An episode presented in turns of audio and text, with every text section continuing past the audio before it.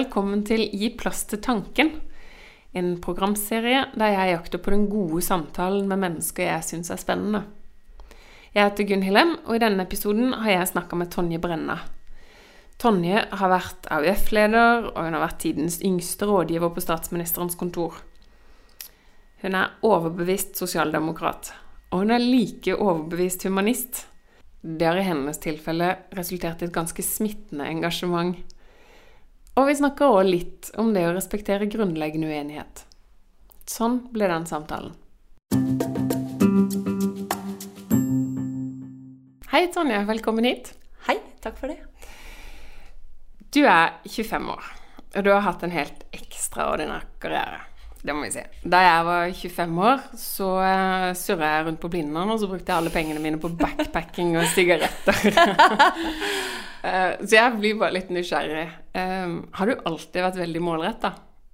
Nei, jeg vet ikke om det egentlig er at jeg er målretta som, som gjør at jeg har vært så heldig å få ha de jobbene jeg har hatt. Men, men jeg har en veldig klar oppfatning av hva jeg liker å drive med.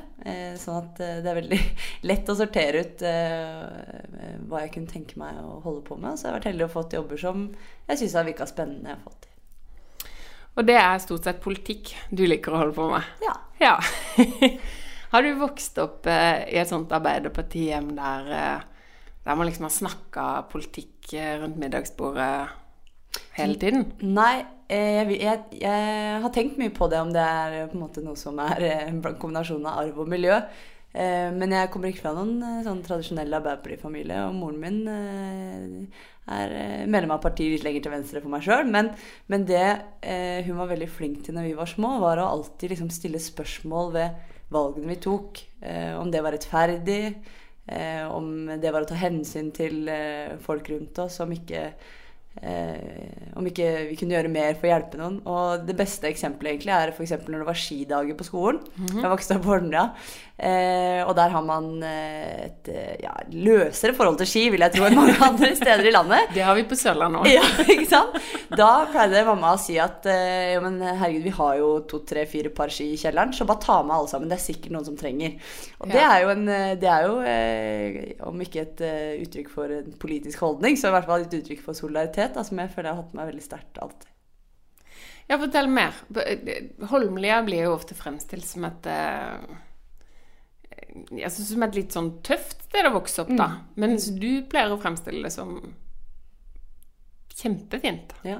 Altså, jeg husker min oppvekst der som eh, fantastisk fargerik og full av tanta fjas. Og at vi eh, spilte håndball og sykla fem-seks stykker på én sykkel. Trilla ned den lange bakken til hallen og eh, svømte og lekte masse ute og sånn. Eh, men jeg tror nok eh, på sett og vis at jeg var heldig fordi jeg flytta eh, nest siste året på barneskolen. Sånn at jeg slapp litt det ungdomsmiljøet som jeg tror er riktig at det er tøffere der enn mange andre steder. men barndommen min på Holmlia husker jeg som veldig, veldig fin. Men én ting er å, å, ta med seg ski og, og sånn som du sier, snakke, snakke, om rettferdighet. Men hva var det som eh, hva var det som ga deg en politisk retning på det, da? Altså, hva, hva fikk deg engasjert i AUF? Og altså jeg, eh, jeg, tror jeg er liksom grunnleggende et uh, engasjert menneske da, som, som, bryr meg om både mennesker rundt meg, men også om, om samfunnet rundt meg, sånn som helhet. Jeg husker Eh, vi hadde demonstrasjonstog på barneskolen mot Carl I. Hagen, for vi syntes han eh, sa så rasistiske ting. Eh, da vi var en sånn 10-12 år gamle. Eh, og det likte ikke vi, da. Men om det liksom da var definert som et politisk engasjement, eller om det var mer enn sånn vi skal være høflige mot hverandre, det er jeg litt usikker på. Men, eh, men eh, jeg tror jeg bare er Altså, jeg er veldig opptatt av det som beveger seg rundt meg. Så. Men, men for andre tenåringer og sånt, da. For det er jo veldig mange som, som, uh, som er snille, og som er som du sier, høflige og mot rasisme og bla, bla. Mm. Altså, hva, er som, hva, er det som, gjør at uh, Hvordan kommer man inn, på en måte? I, i, i, politikk? Ja.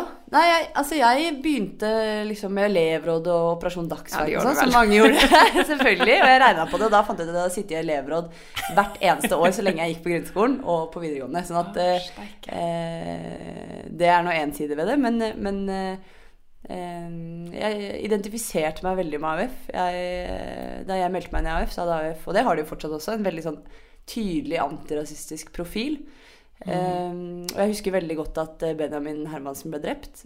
Uh, og at det ikke nødvendigvis ene og alene var en sånn utløsende årsak for meg, men det, det fikk det til å stå veldig klart for meg at uh, det er ikke sånn i, i Norge at uh, alt er på stell, eller at alle har like mye respekt for hverandre. og at og at eh, det å være passiv antirasist, det går det ikke an å være. Du må være aktiv antirasist.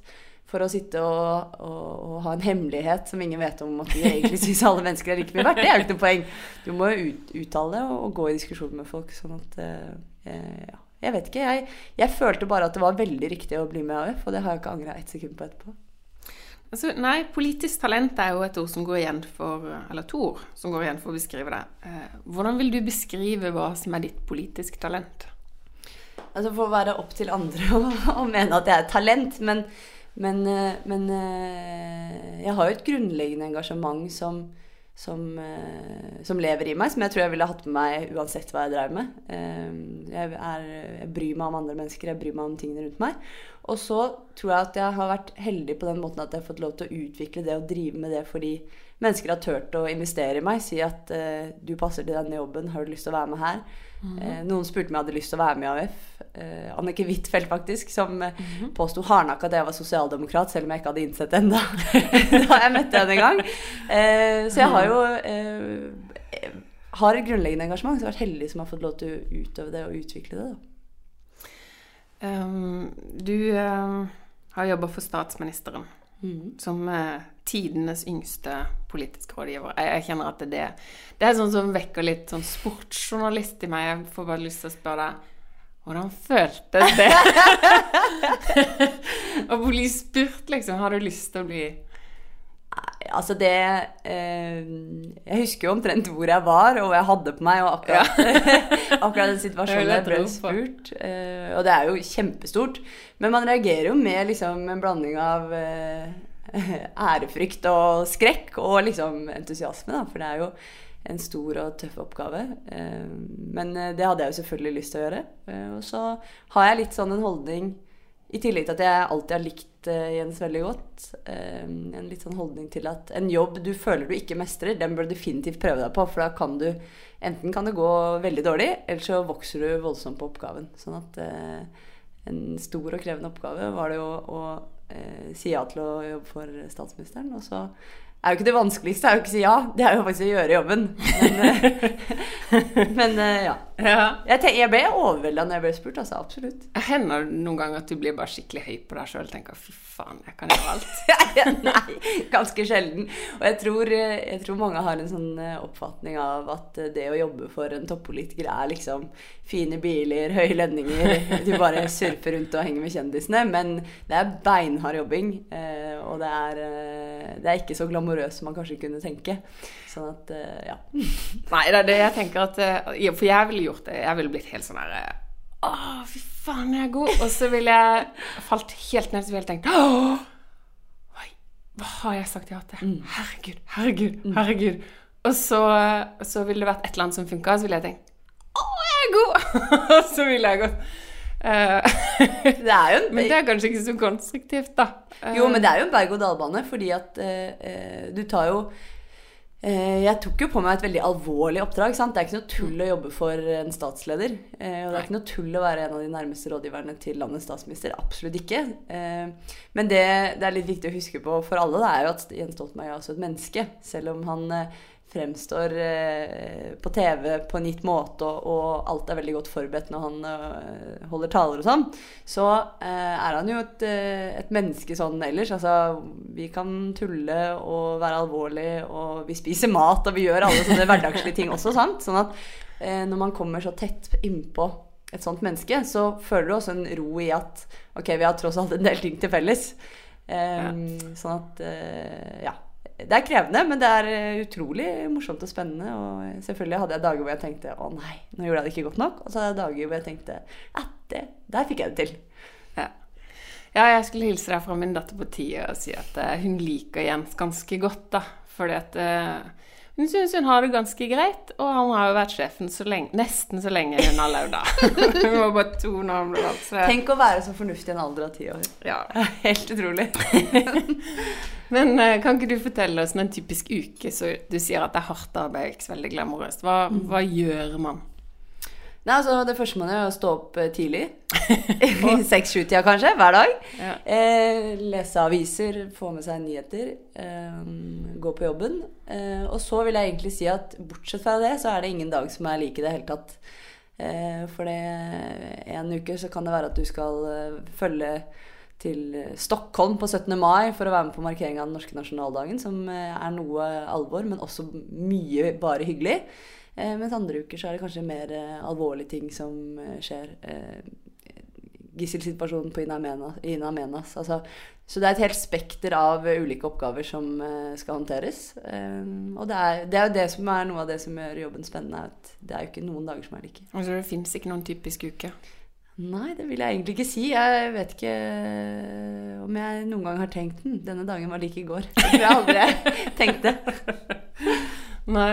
Nei, men det må jo ha vært fryktelig mye å, å sette seg inn i, da. Én ting er liksom de som, eh, som har vært i politikken i 20 år, og som begynner å kjenne GM, og som liksom ja, de, de virker som om de på en måte kan ta det meste på autopilot. Eh, Det er det samme som kommer uansett. Men, men ja, hvor, hvor har du tatt den energien fra? Altså jeg tror Uansett hvor lenge man har holdt på med noe, enten du er fotballspiller eller journalist eller politiker, så tror jeg det er veldig farlig å lene seg tilbake og tenke at dette har jeg gjort så lenge at dette kan jeg. For da slutter du å utvikle deg. Og eh, alle har jo vært nye i en oppgave før. Sant? Vi har alle eh, lært å gå, lært å snakke, lært å svømme, eller lært oss eh, å mestre en ny jobb, da. Eh, og energien henter jeg fra at jeg syns det er utrolig spennende. Både eh, å føle oppriktig at jeg har vært med på å gjøre et godt land enda bedre, men også fordi at det er veldig mange spennende mennesker å jobbe med. Og både Jens Stoltenberg og Grete Farmo, som jeg jobba for etterpå, er eh, drivende dyktige politikere som eh, har et oppriktig engasjement, og som tror veldig på det de driver med, og det smitter jo over på alle rundt også. Mm.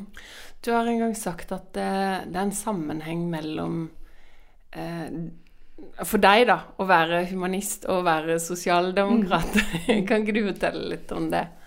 Ja, for meg så handler jo både det å være sosialdemokrat og humanist om eh, grunnleggende sett to ting. Det ene er å ha tro på at mennesket selv skaper sin egen historie. At det er ikke gitt fra noe annet sted at tingene skal gå som, som de går. Men at eh, f.eks. det er politikken som avgjør om majoriteten i et land er fattig eller rik, og hvor mye utdanning vi får. Eh, hvilke muligheter man har som mann og som kvinne, og som homofil eller innvandrer, eller eh, hva slags bakgrunn man måtte ha. Og det andre handler jo om den grunnleggende respekten for andre mennesker og for andres eh, prioriteringer og tro og ønsker.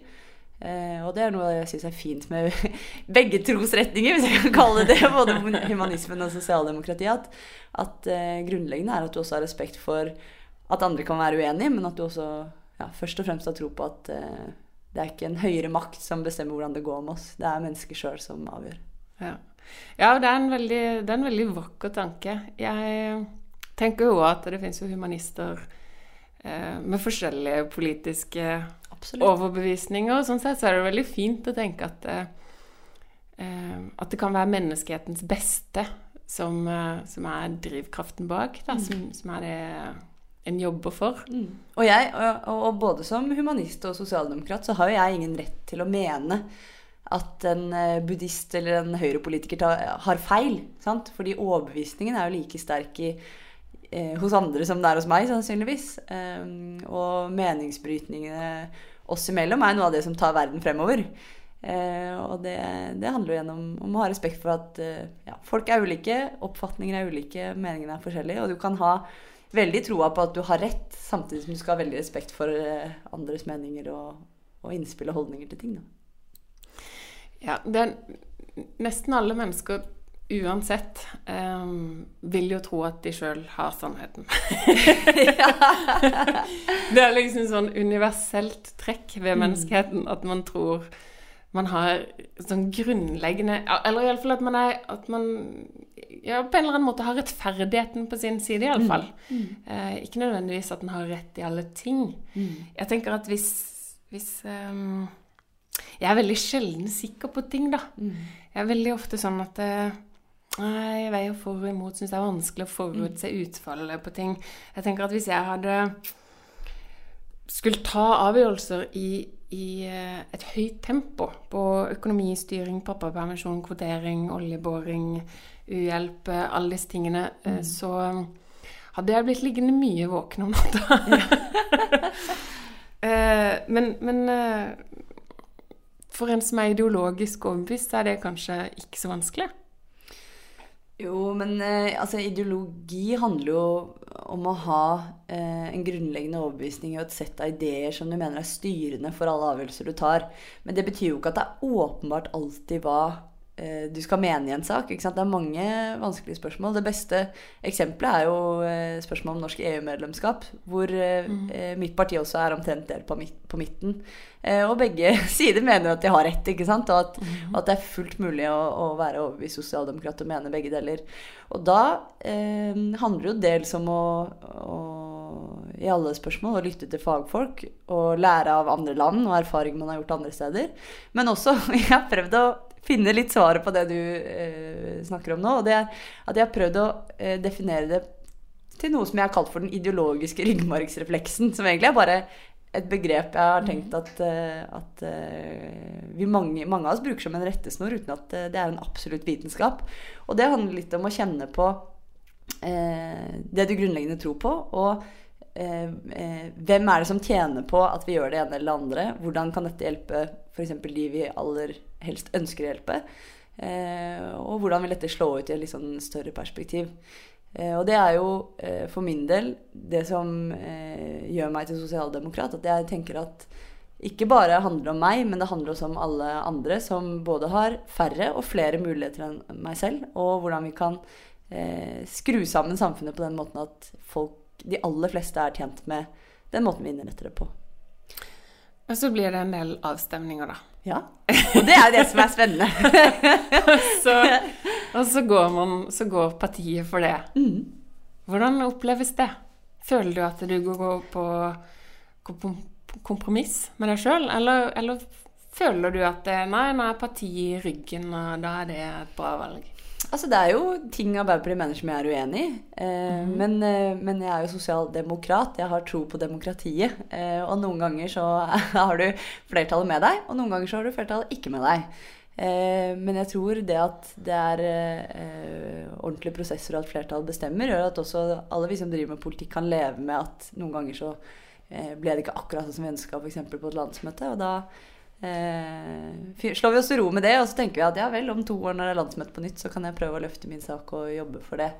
Eh, men eh, ja, du finner jo aldri parti du er 100% enig med. Eh, og hvis, hvis det var sånn vi skulle tenkt, så hadde vi hatt fem millioner partier i dette landet. Og, eh, og ingen av oss ville fått spesielt mye gjennomslag.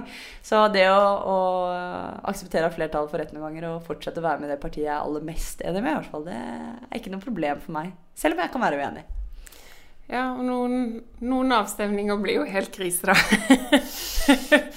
du, har vært, eh, altså, du har vært ganske tett på toppen. Dere hadde makten, og du eh, og mange andre har, eh, har jobba skikkelig mye. Dere har tenkt at dere har de beste svarene, beste ideologien. Og så blir dere bytta ut nå i høst av mennesker som går til stemmeurnen og stemmer helt feil. Føles det veldig bittert? Nei, jeg vet ikke om det føles bittert. Eh, Men, eh, men når man har et engasjement og en overbevisning, så, så er det jo trist når, når det ikke holder helt inn, og at man ikke klarer å få flertallet med seg. Men eh, eh, bittert vil jeg ikke si at det er. Eh, det er en blanding av eh, trist, ikke først og fremst for meg eller eh, for, eh, for maktas del, men kanskje først og fremst for eh, hvilken retning eh, landet vårt skal ta. Og så er det også en stor motivasjon til å gjøre det enda bedre neste gang. Ja. Jeg tenker at eh, Jeg tror jeg ville følt det som en litt sånn urettferdig oppsigelse. Hvis jeg syns at eh, Jeg syns at jeg hadde jobba bra, og så Nei. Jo, man kan godt, det, det kan jo godt føles urettferdig. ikke sant? Her, føler jeg også at jeg har stått på natt og dag, og vi er så mange som har jobba og eh, forberedt oss og holdt gode taler og reist de riktige stedene og sovet lite og spist lite og, og nesten måtte planlegge å gå på do i noen måneder. Men, men allikevel så har jo også de som vant, gjort det samme, sant? Sånn at Det er det de har. Ja, og det å få et flertall er jo resultatet av eh, godt arbeid og iherdig innsats. Så jeg kan jo selv om, eh, selv om det byr meg litt imot noen ganger, så kan man jo ikke annet enn å gratulere de som klarte å dra et flertall i havn. Og så får vi se hvordan det, hvordan, hvem som faktisk blir flertall til slutt. Hvem som danner regjering. Ja, Så får vi se hvordan det går òg. Det, um, ja, det å forholde seg til at eh, andre um, er helt grunnleggende uenige og, og vil helt andre ting, og likevel eh, er gode og eh, har eller får makt til å gjennomføre det, det er, det er veldig vanskelig. Ja, det er en av de tingene som er litt sånn grunnleggende krevende i livet. Men jeg synes i politikken synes jeg likevel at vi er ganske gode til å gi hverandre anerkjennelse og ros, selv når vi er eh, helt uenige også. Så det er jo fint at man kan eh, si hyggelige ting til hverandre og allikevel ja, Selv om man står på hver sin side. Altså det er jo en, en side vi eh, som ikke er med i de innerste sirkler, veldig sjelden ser, da. Mm. Altså vi kan se, se at det kommer en sånn eh, En gratulasjon på TV etter, eh, etter eh, et valg. Men eh, stort sett det vi ser, er jo bare veldig mye kjefting og maktkamp. vi ser liksom ikke noe småprat i kantina. Mm. Men den fremste anerkjennelsen ligger jo at man som politiker tar hverandre så alvorlig at vi forbereder oss ordentlig til dueller. ikke sant? Når vi skal møtes i debatt og sånn, så bruker vi mye tid på å forberede oss. Og det er jo fordi at uh, det å møte meningsmotstandere ikke nødvendigvis bare er enkelt, men at du, du må ha de beste argumentene. Du må eh, kunne fakta, du må kunne alle de tingene. Og det at de ulike partilederne f.eks. vet at alle de andre bruker like mye tid på meg som meg til å forberede seg, det er det sikkert noe liksom selvtillit i, da. Ja. Er, jeg syns det er et veldig interessant eh, aspekt ved det, som rett og slett er det eh, maktaspektet. Mm. Um, jeg har lest masse om makta, for jeg syns det er bare ordentlig fascinerende hva det det gjør med oss å være på begge sider av makten. Da. Det at noen kan, kan, kan definere og kan, og kan bestemme over andres frihet, sette begrensninger eller mm. åpne opp. Um, og en av de, en av de um, viktigste mekanismene ved, eller effektene makt har på oss, det er at det veldig fort oppleves kjempeselvfølgelig. Mm. Helt naturlig. Mm. Når, eh, når, noen andre har makten, så kan vi rase og synes at makten er urettferdig og veldig eh, Ja, at det er veldig feil. Og så får vi makt sjøl, og så på no time så mm. kjennes det ut For vi har jo rett. Mm. Mm. Jeg tror, men jeg tror jo liksom eh, politikere som alle andre på et, på et vis også er seg sjøl nærmest, da. Eh, og det er klart at eh, når man eh, har eh, mulighet til å bestemme eller eh, å ha mye innflytelse, så er det sikkert både en overgang å miste den makta, -hmm. men først og fremst kanskje en overgang fra å ikke ha det til å ha det. Eh, men heldigvis så er jo vi lever i et demokrati hvor, hvor, definisjonsmakt også er en viktig del av det å ha makt, og at det ikke alltid handler om eh, hvem som har regjering, eller hvem som faktisk tar beslutninger, men også kunne debattere i aviser eller på radio eller eh, andre steder som gjør at du eh, har mye mulighet til innflytelse, også selv om det til slutt ikke er du som tar avgjørelsen. Da. Og det er jo noe av det som er fint i demokrati, at makta er spredt også utover de som ikke har formell makt, kanskje. Ja, jeg vet ikke hvor mye makt du opplevde å ha personlig, selv om du på en måte var i maktens korridor og sånn. Eh, men så, eh, så, kommer et valg, og, da eh, blir du plutselig helt arbeidsledig. ja. Nå har jeg bare makt til å velge, eller ønske meg en annen jobb. så jeg er ikke arbeidsledig for alltid. Ja, det kommer du ikke til å bli, da. Men det er, det er en veldig, en veldig um, brå overgang. Tror du det er sunt? Ja, det tror jeg. Eh, jeg tror det er sunt at eh, regjeringer ikke gjenvelges for alltid, selv om det er fryktelig trist når det ikke skjer. Eh, jeg tror det er sunt med skifte, men det vi også skal huske på, er jo at, at makt ikke bare handler om hvilke partier som har makt, men også at maktmenneskene i det enkelte parti skiftes ut jevnlig. Eh, og i norsk politikk så er jo folk relativt sett lenge. ikke sant? Man kan være partileder i ti år uten at det er noe spesielt med det. Eh, men hvis vi ser til land rundt oss, du skal ikke lenger enn eh, litt sørover i Europa, så ser du statsledere som Eller partiledere også, som sitter i 20-30-40 år og, og har innflytelse over veldig mye lengre tid enn det vi har i Norge, da. Så det at det er demokrati i flere ledd, at det er eh, landsmøtene som velger sine ledere i partiene, og at det er folket som velger regjering, og at sammensetningen av en regjering kan være ulik, det tror jeg er viktige sånne sikkerhetsventiler da, for å sørge for at ikke det er de samme folka som bestemmer over en hel generasjon mennesker som vokser opp, f.eks. Mm. Men det er mye, mye sånne allianser og lojalitet og Det er mye menneskelig ved det òg. Det er liksom ikke bare eh, idealisme. Ja, men jeg, jeg tror noen ganger at man kan bli mer mistenksom på utsiden enn eh, det man blir på innsiden. Fordi at det at folk nett, lager nettverk seg imellom, det er jo helt naturlig. Det gjør vi jo overalt. Ja. Eh, vi gjør det internt i et idrettslag, vi gjør det uansett hvor vi jobber hen. Altså, I enhver kantine så har de ansatte preferanser på hvem de spiser lunsj med. Sant? Og det er også eh, nettverk. Og det er ikke noe, eh, sånn jeg opplever det, noe farligere med politisk nettverk enn med andre nettverk. Eh, og nettverk går på kryss og tvers av partiene. De går eh, F.eks. i Stortinget så er jo ofte sånn at de yngste stortingsrepresentantene vil jo henge litt mer med hverandre enn med resten, uavhengig av parti. sant? Mm. Eller at eh, folk fra samme fylke kjente hverandre bedre fra før. og sånn, sånn at eh, jeg tror ikke vi skal overdrive hvor farlig det er med nettverk i politikken. Samtidig som det er viktig av og til å bryte de opp og flytte litt på folk, og, og f.eks. gå til valg og velge andre regjeringer. Så Nettverk er jo sunt. Det er noe av det som er grunnleggende for mennesker. At man eh, prøver å eh, knytte kontakter for å få gjennomført enten det er å gå i allianse med en samboer for å få valgt eh, riktig farge på veggen i stua, eller om det handler om politisk innflytelse. Ja, jeg var et par ganger på um, Eller i et kvinnenettverk. Mm. som, som, plutselig ble slått opp i en av tabloidavisene som eh, sånn under, undergrunnsnettverk, omtrent sånn mm. sånn maktnettverk. Så tenkte jeg men yes! det var jo storveis. Jeg følte ikke at vi hadde noe videre makt i det hele tatt. Men, uh. men det er ganske fascinerende hvordan man ser ulikt på eh, maktallianser eller nettverk mellom kvinner og menn. fordi at Eh, menn har jo sånn Min erfaring er jo at de til alle tider har vært veldig gode til å uformelt å begynne kontakt med hverandre og, og, mm. og, eh, sette seg selv i posisjon til å ta avgjørelser eller utøve innflytelse også utenom formelle sammenhenger. Mens kvinner ofte er litt mer forsiktige med det. Eh, og så, når kvinner da bestemmer seg for å danne mer formelle nettverk, eller si at 'jeg er del av dette nettverket', og det innkalles til møte i nettverk, eller 'nå skal nettverket beslutte følgende', så er det plutselig noe mystisk med det. Men, eh, men eh, jeg vil jo tro at nettverk som er liksom synlige, og som folk vet om, F.eks. Arbeiderpartiets kvinnenettverk er jo et mindre farlig nettverk enn et veldig hemmelig nettverk som, som ingen vet om.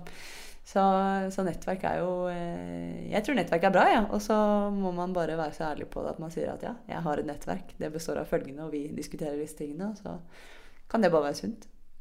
Ja, det er veldig veldig bra med alt som er åpent. Mm. Det tenker jeg litt, eh, litt, i forhold til kvotering òg. Jeg tror at eh, menn har kvotert menn i veldig stor grad. Ja. Altså de har, de har valgt menn bare uten å uten å si at det er det de har gjort. Mm. Og da har det på en måte vært eh, Nei, det har bare vært en vurdering av hvem som er flinkest, og sånn. Mm. Og så, så, sier man at eh, nei, nei, jeg tror vi skal, skal teste kvotering.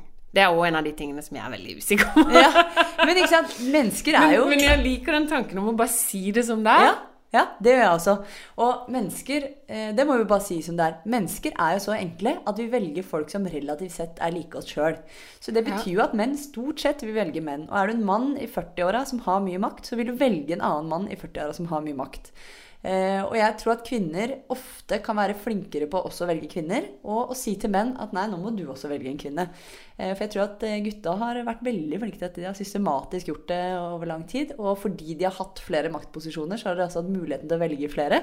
Mens kvinner historisk har hatt færre maktposisjoner, og derfor har hatt muligheten til relativt sett å velge færre folk som er like de selv, til tilsvarende posisjoner. Så kvotering er, det er vanskelig, men for meg handler kvotering om at eh, to mennesker eh, med ulike eller ulik bakgrunn, enten det er mann, kvinne, eh, eh, etnisk norsk og innvandrer, eh, homofil, heterofil. Men at uansett så starter de med de samme kvalifikasjonene. De er akkurat like flinke. Og så kanskje velger du den som er underrepresentert.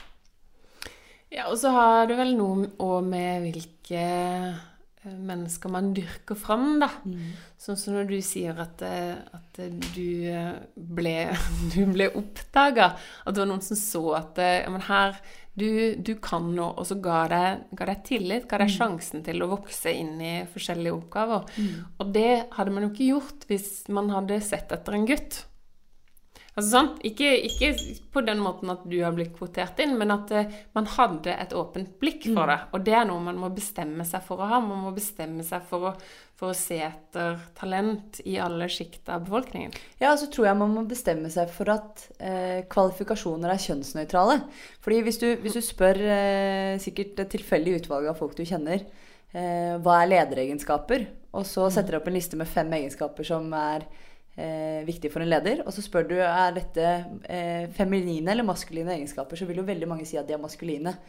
Eh, mens det er jo ikke nødvendigvis riktig, fordi at eh, en lederegenskap er jo en lederegenskap uansett hvilket kjønn den som innehar egenskapen har.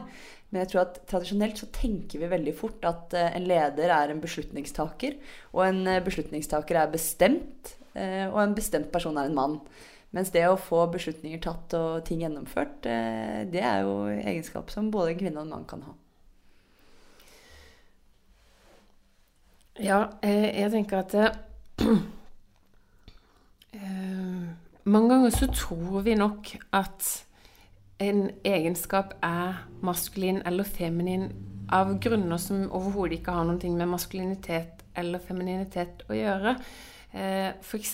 det å, å være omsorgsfull. Eh, så vil en kvinne eh, kanskje ha en, en eller annen eh, feminint uttrykk for det.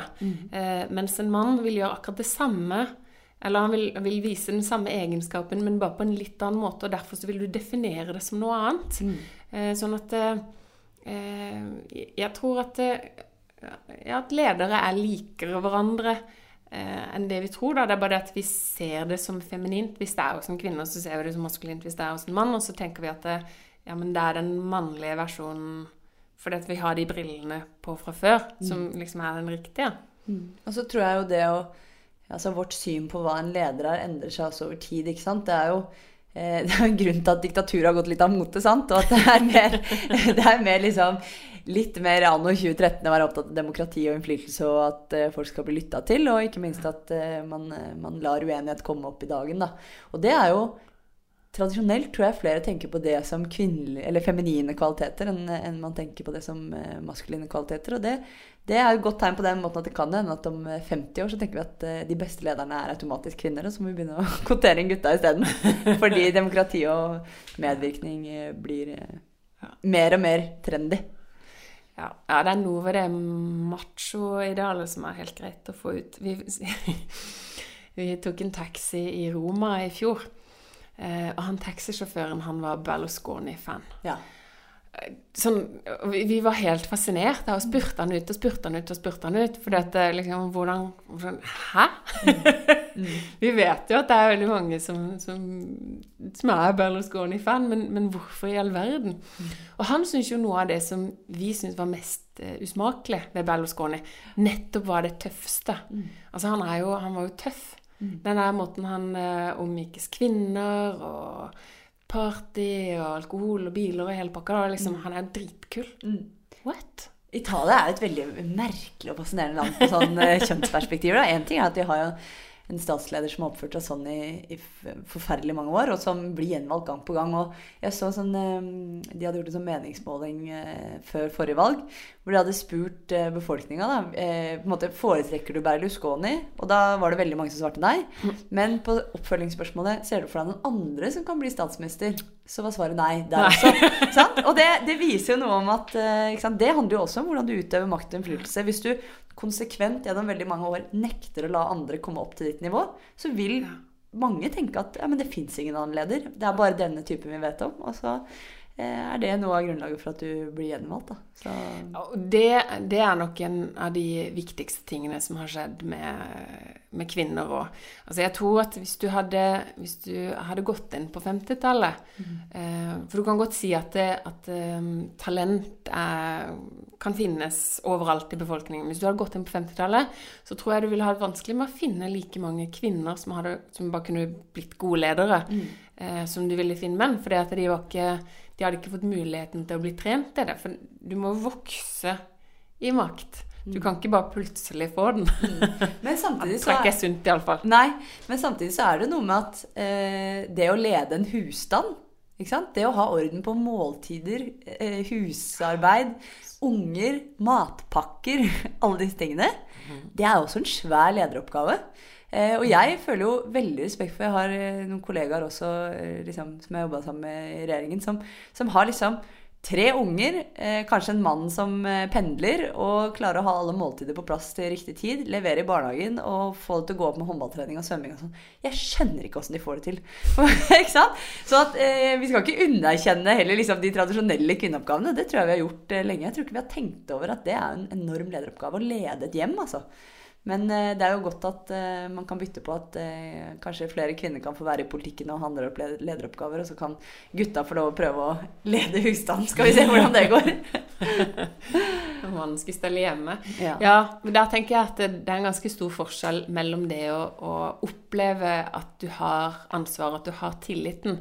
Eh, før så var det sikkert mange kvinner som, som organiserte en hel masse, men så lenge de ikke så seg sjøl som lederen i familien, eh, så fikk de ikke den selvtilliten som trengtes for å, for å virkelig skulle ta hele ansvaret. Det tenker jeg eh, mange av de som ble skilt tidligst, da, eh, nok følte at eh,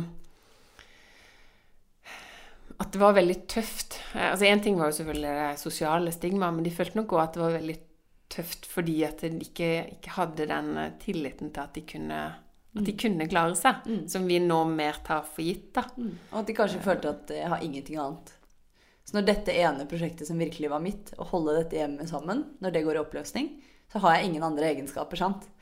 Eh, og det skal vi være veldig glad for at det ikke nødvendigvis er sånn eh, Håper jeg da flertallet, i hvert fall norske kvinner, føler i dag. At man føler at man har noen andre talenter og muligheter å spille på enn bare det å holde et hjem sammen. Ja, Min datter eh, har litt rett i at vi har det ganske greit. Men eh, jeg tenkte likevel at vi skulle over på, på eh, noe av det som er litt ugreit, da. Eh, for å si det veldig forsiktig. Um, og det um, Det er rett og slett det, det er Stor traume. Altså redselen for å dø. Det å oppleve at en ikke er At den ikke er usårbar sånn i en større forstand heller. Det er ikke vi, vi har masse muligheter og ressurser og kan skape veldig mye av livet vårt. Og så er det ikke noe vi kan ta for gitt likevel. Nei. Eh, på et vis er jo det litt heldigvis, for det gjør at vi kanskje tenker mer over hvordan vi lever eh, her og nå, fordi det ikke er uendelig. Men, eh, men eh, jeg tenker mye på hva som skjer den dagen man dør. Eh, og jeg blir litt Det er kanskje litt barnslig, altså, men jeg blir litt sånn redd og nervøs av tanken på at det går an å bare skru av. At en dag så bare er jeg ikke mer. Så jeg er litt sånn sjalu av og til på folk som tror på at vi kommer til himmelen og sånn. Fordi det hadde jo vært litt sånn enklere å forholde seg til. Men jeg, jeg får litt angst av det. Så liksom at du plutselig er det slutt. Og hva da? Så jeg, jeg, tror jeg, har, jeg tror jeg er mer redd for å dø nå enn jeg var før. Ja, for det er det. Altså, jeg, um, altså, Ikke bare jeg, da, men jeg, tenker at alle, alle mennesker i, i, i landet skulle jo eh, sikkert ha gitt forferdelig mye for at eh, for at eh, Utøya ikke skulle skjedd, altså for at vi aldri skulle sett terror, at vi aldri skulle, skulle måtte eh, Ja, må, måtte se altså Det er jo typisk bare vi som, som overlevde, som kan snakke om det. Eh, at, eh, at vi aldri har måttet se en sånn ting, særlig ikke på nært hold, sånn som det dere gjorde. Eh, men når ting først skjer, da, eh, så er det jo ikke noe annet å gjøre med det enn å, enn å tenke at en får prøve å, eh, å vokse på det. Eh, og det å ha Det å ha sett hvor skjørt livet er, det kan jo kanskje gjøre deg til en bedre eh, et bedre menneske i politikken òg. Livet er jo skjørt på så mange måter. Ja, det er det. Eh, jeg eh? Jeg får jo ofte spørsmålet hva har det gjort med deg? ikke sant? 22. juli, hva, hva har endra seg siden da? Og det tror jeg jeg, altså jeg tror jeg heldigvis jeg klarer å skrive det i mine egne memoarer når jeg er 103 år og er klar for å dø. Jeg tror ikke jeg, tror ikke jeg, jeg, tror ikke jeg er rett til å svare på det. Eh, hva det har gjort med meg, det tror jeg andre er bedre til å analysere utenfra. Men, eh, men, eh, men jeg er eh, fortsatt litt sånn overraska over Hvis jeg tenker over det den dag i dag, så er jeg overraska over hvor gjerne jeg ville leve. Eh, mm. Og jeg har aldri tenkt før 22. juli at jeg ville dø. Jeg har alltid vært glad i livet. Mm. Aldri hatt noe ønske om å avslutte det. Virkelig ikke. Men, men allikevel så er jeg fascinert over hvor virkelig gjerne jeg ville leve. Og mm. det er jo på et vis litt godt å vite. Ja. det er veldig bra å vite sånn Ja. Eh, at, at man ikke har noen slags depresjon eller dødsønske sånn sett. Men jeg tenker sånn Um, I forhold til, til, disse avgjørelsene som eh, politikere må ta, og med, med helsepolitikk og Det å ha kjent litt på at uh, livet er utrolig kjært, da. Mm. Uh, det, det um, Ja, det, det, må jo gjøre noe med deg når du skal Jeg tenker jo at du kommer Jeg ser jo, at, ser jo for meg at du kommer til å ha en karriere videre i politikken der du kommer til å ha innflytelse igjen, da. Dere kommer jo til å vinne valgene senere. og sånn og sånn. Eh, og, og, da eh, Jeg tenker at jeg vil veldig gjerne at det er sånne prioriteringer i helsevesenet, f.eks. Jeg vil at det skal være kjempetøft, da. Mm. Jeg vil ikke ha politikere som tenker at det, at det er lettvint. Mm. Og det gjelder jo ikke bare på helse, men det gjelder jo eh, spørsmål om asyl innvandring. Ja. Jeg syns det er et av de aller mest krevende eh, En av de aller mest krevende tingene jeg jobba med i Justisdepartementet. Å si at eh, ja visst er det forferdelig i det landet du kom fra, men for hun som står ved siden av deg i køen, så, eller bak deg i køen, så var det enda verre. Og det å på andres vegne definere hvor ille en sykdom er, eller hvor ille mm. en bakgrunn er, eh, og det å si at eh, ett sted må grensa gå, vi kan ikke hjelpe alle, det syns jeg er Altså Det er virkelig noe som kan holde alle og enhver eh, våkne om natta. Mm. Men det skal være tøft? Ja, det skal det. Og selv om eh, i politiske debatter og TV-debatter sånn, så ser politikerne veldig overbevist ut. Og det er vi jo, men, men samtidig så er det, det er en eh, liten sånn klump av eh, tvil der allikevel, for alle, tror jeg. Eh, og den eh, erkjennelsen av at uansett hvor, da, hvor du setter grensa, ved hofteoperasjoner eller hvilke land vi kan hjelpe folk fra, så vil alltid noen falle utenfor. Mm. Det, er, eh, det, er, tøft i verdens rikeste land, fordi mm. i teorien har vi anledning, men, eh, men, vi kan ikke heller strekke oss så langt at det hele faller sammen. Sant? Sånn at det er tøft. Og det er Jeg tror det er noe som er i utvikling hele tiden. Teknologi gir oss nye muligheter. Og, og fredsprosesser rundt om i verden gir oss nye muligheter, og sånn, men allikevel å være åpen for å endre den praktiske holdningen, men allikevel ha et et eh, fast standpunkt. Det er liksom noe som utfordrer oss alle sammen, tror jeg.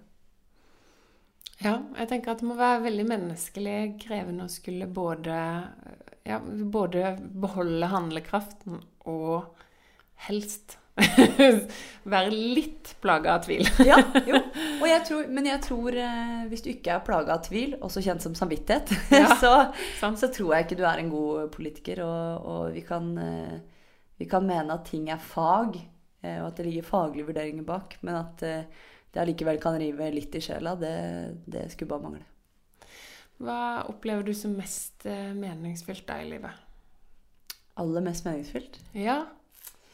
Eh, Når du tenker på at du er veldig glad i livet, hva tenker ja. du at det, Og fordi at jeg har så lyst til Nei, altså jeg eh, har veldig mange mennesker i livet mitt som jeg er veldig glad i. Mm. Eh, noen av de er kollegaer, noen er venner, noen er familie. Og, og, det å være sammen med de, enten de utfordrer meg liksom profesjonelt, eller om det bare er tante fjas og pizza foran TV-en, det, det, gir meg veldig mye. Jeg er fryktelig glad i folk, og jeg, eh, jeg har liksom tenkt på liksom, i det store spørsmålet hva skal jeg gjøre nå, da? Så er jo et av svarene f.eks. at jeg aldri kunne vært liksom, forsker eller arkeolog eller noe. Fordi det er ganske ensomme Ja, yrker. det er veldig overraskende. Ja. Eh, selv om jeg, jeg har veldig respekt for folk som velger å sitte alene ute og, og leite fram skjeletter og sånn fra jorda. Det, det har jeg veldig respekt for. Først og fremst fordi da slipper jeg å gjøre det selv. Eh, men jeg er veldig glad i folk, så det å være sammen med andre mennesker, både folk jeg er enig med og uenig med, det, det gir meg veldig, veldig mye. Har du noen drømmer som ikke Altså noe du gjerne ville ha gjort i livet som ikke knytter seg til partiet? Eller Ja. politikken? Altså, jeg, jeg liker veldig godt å reise. Eh, Ja. Eh, altså Jeg syns drømmer er et litt sånn stort og nesten liksom vulgært ord. Fordi man drømmer jo om ting, og man har jo håp og forventninger i livet. Men jeg føler ikke at mine, mine drømmer er liksom så store. Jeg føler at de er litt sånn nære og praktiske. Jeg kunne tenke meg å ha hatt et sånt eh, spisebord hvor det er sånn derre liten sånn eh, i midten hvor du kan ha urter. For jeg synes liksom urter til maten det synes jeg er veldig godt. Så Basilikum er jeg veldig glad i. Så sånne ting liksom drømmer jeg om. Men jeg, jeg føler ikke at jeg har noen Altså jeg drømmer jo om fred i verden, men uh, liksom, imellom der er det ganske lite. det er de veldig store, og så er det de veldig nære tingene. Ja, men det er veldig fint det å, å bli lykkelig. Det har jeg òg fått høre et veldig stort ord. Jeg liker store ord, jeg. Ja, jeg òg egentlig gjør det. Men jeg det er veldig vanskelig å svare liksom- for de selv. Lykke er jo et veldig vakkert ord. Ja, å føle lykke. Ja. Er du lykkelig? er jo likevel det vanskeligste spørsmålet å svare på. ja, jeg er kjempemye lykkelig. Altså, jeg er en del ulykkelig òg, da. og der er det veldig lite imellom.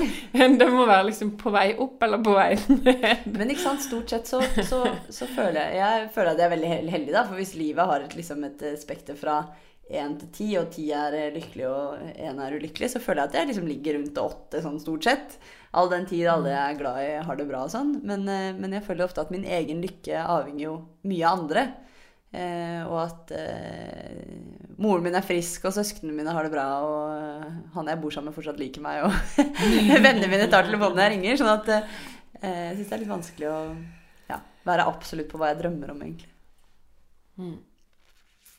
Men ehm, et spisebord med urter i det er, det er en fin drøm, det. Ja. Jeg, jeg kjenner at jeg, jeg likser det veldig godt. Det fikk det jeg jo veldig lyst på. Og så er Det det går an å sette de oppover, da. Ja, men det er noe sosialt i et sånt bed midt i.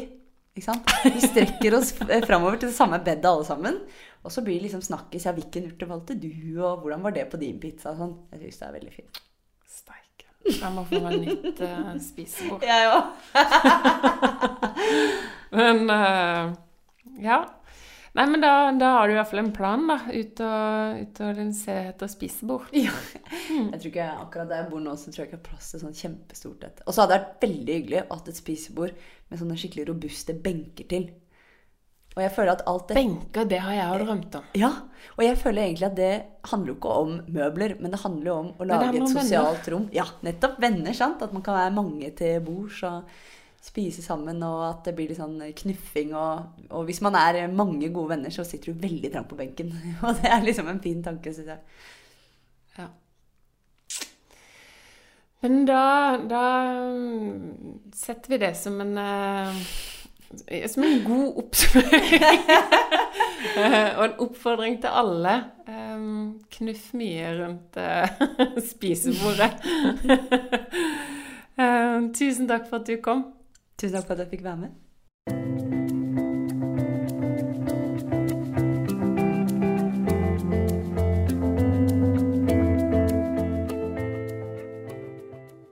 Gi plass til tanken er et radioprogram produsert av Human-Etisk Forbund. Hvis du ønsker å ta en titt i kulissene, så følg oss gjerne på Instagram på at plass til tanken. Og vis oss gjerne hvor du finner plass til tanken ved å bruke hashtaggen plass til tanken. For flere episoder og annet bakgrunnsmateriale kan du besøke oss på human.no slash radio. Vi hørs!